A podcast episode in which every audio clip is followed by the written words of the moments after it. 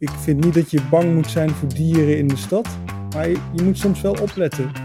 Maarten Bruns van IVN Natuureducatie houdt zich in zijn werk onder meer bezig met stadsnatuur, biodiversiteit in de stad en de opwarming van de aarde. Dit is een podcast van ANP Expert Support. Deze dienst staat los van de ANP-redactie. Mijn naam is Luna van der Waarde en ik spreek Maarten Bruns van IVN Natuureducatie naar aanleiding van dit ANP-nieuwsbericht.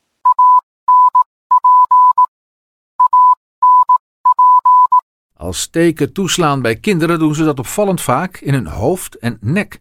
Maar bij volwassenen zitten ze vaker op de benen, heeft het RIVM uitgezocht. Onderzoekers hebben voor het eerst de meldingen onderzocht die binnenkwamen via tekenradar.nl. Tekenbeten zijn gevaarlijk, want je kunt er de ziekte van Lyme van krijgen. Hier te gast Maarten Bruns. Je houdt je in je werk vooral bezig met stadsnatuur. Komen teken bijvoorbeeld ook in de binnenstad voor? Ja, zeker. Die kunnen ook in de binnenstad voorkomen. Natuurlijk veel minder eh, dan in de ommelanden, hè. in de weilanden waar hoog gras zit of in de bossen. Daar zie je veel meer teken, maar ze kunnen ook in de stad voorkomen en zelfs in je eigen tuin. Ook uh, teken met de ziekte van Lyme? Ja, helaas wel. Vroeger waren er niet zoveel teken met Lyme. Dus als je dan een keer zo'n teken opliep, dan was er niet zoveel aan de hand. Dan haalde je hem eruit en dan was het daarmee klaar. Maar goed, door klimaatverandering uh, krijgen we ook, ook steeds meer besmettingen uh, met, met die teken in, in Nederland. En moet je best wel een beetje oppassen. Dus het is wel belangrijk dat je erop let. Dus ik vind niet dat je bang moet zijn voor dieren in de stad. Maar je, je moet soms wel opletten. We zijn soms bang voor beestjes waar je niet bang voor hoeft te zijn. Hè? Dus zeg maar spinnen. Veel ouders zeggen tegen hun kinderen: let op, een spin pas op, blijf er vanaf. Maar, maar spinnen doen niet zoveel. Maar teken zijn wel degelijk, uh, vervelende beestjes. Dus als je bijvoorbeeld in het hoge gras bent geweest, kijk dan even als ouder bij je kind, uh, kan je zo'n teken vinden.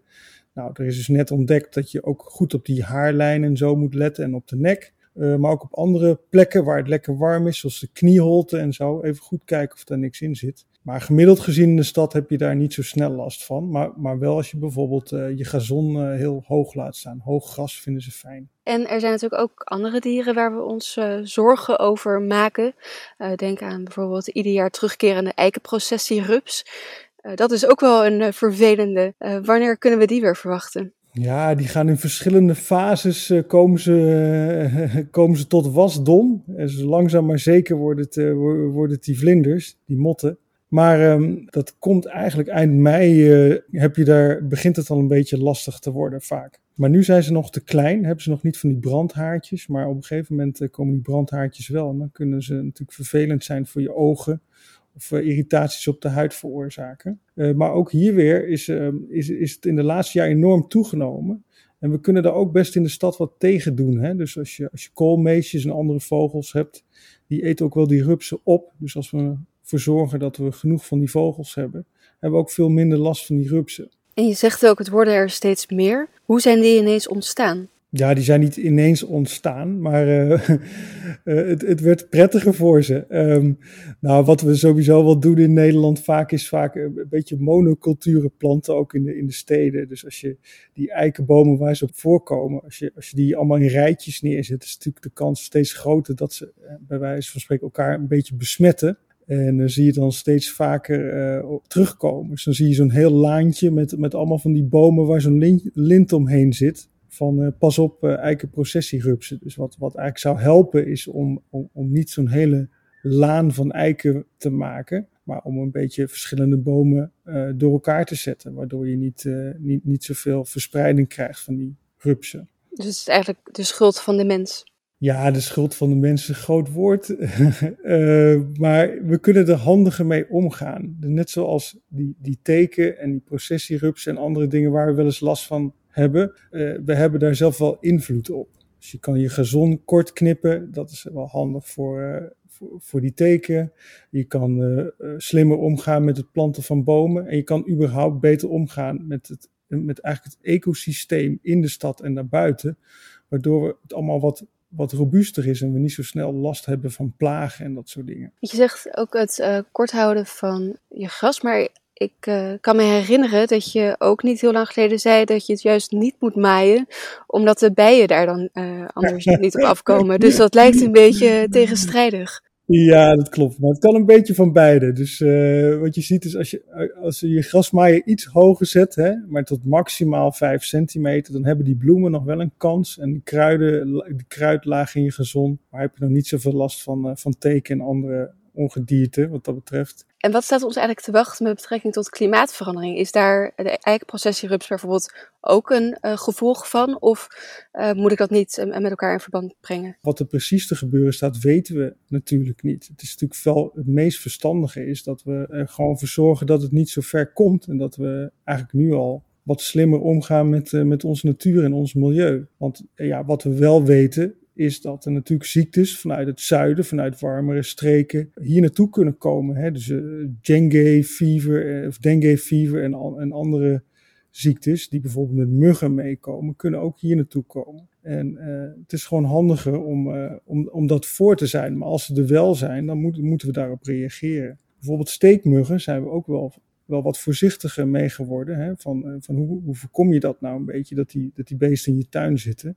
Nou hoef je niet zoveel zorgen te maken over, over je vijvertje, want dat, daar heb je meestal wel een, goed evenwicht in. En dan komen niet superveel muggen uit. Maar als je losse bakjes met water overal hebt staan, ja, dat, dat is echt een waar festijn voor, voor, voor steekmuggen en andere muggen. Dus daar moet je misschien wat voorzichtiger mee zijn, ook in de toekomst in je tuin ja, dat, dat is wel iets waar we op moeten letten. Kijk, natuur is hartstikke goed voor mensen. Meer natuur in de stad is ook hartstikke goed voor mensen. Maar het wil niet zeggen dat alle natuur goed is voor mensen. Dat je wel je, je maatregelen moet nemen voor dingen die we niet willen.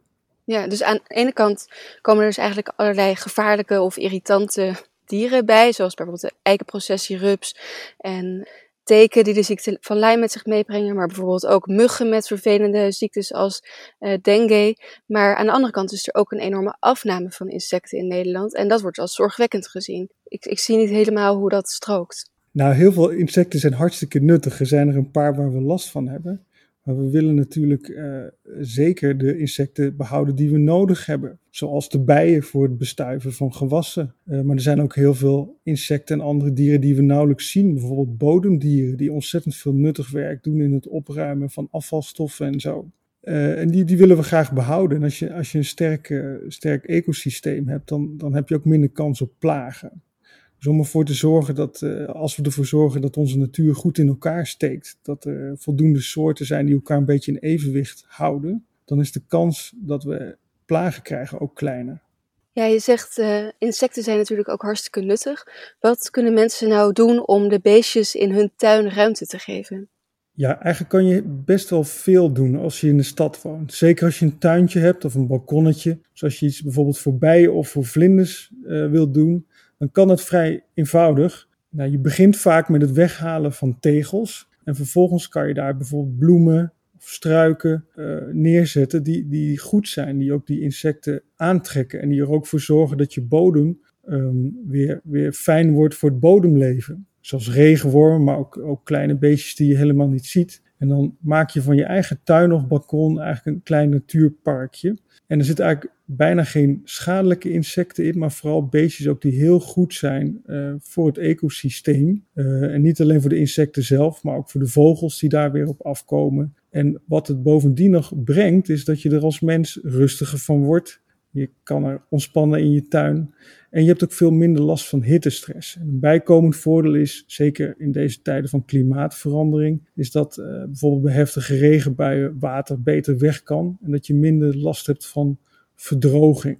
Uh, ik denk dat dat ontzettend helpt. En hoe zorgen we er ook voor dat mensen niet voor alles bang worden? Want hè, de meeste insecten en, en, en, dieren in de stad, eh, die zijn helemaal niet schadelijk voor de mensen. Heb je ook geen last van. Dus het is ook de bedoeling dat we een beetje omleren gaan met wat er om ons heen leeft. En dat vergeten we natuurlijk nog wel eens in onze bestraten dorpen en steden. Dat, die natuur hoort er ook bij. Het is vooral ook belangrijk dat je weet hoe je ermee omgaat. Dus ouders moeten goed op hun kinderen letten als het gaat om bijvoorbeeld tekenbeten. Maar hun zeker niet bang maken voor allerlei soorten spinnen of slangen.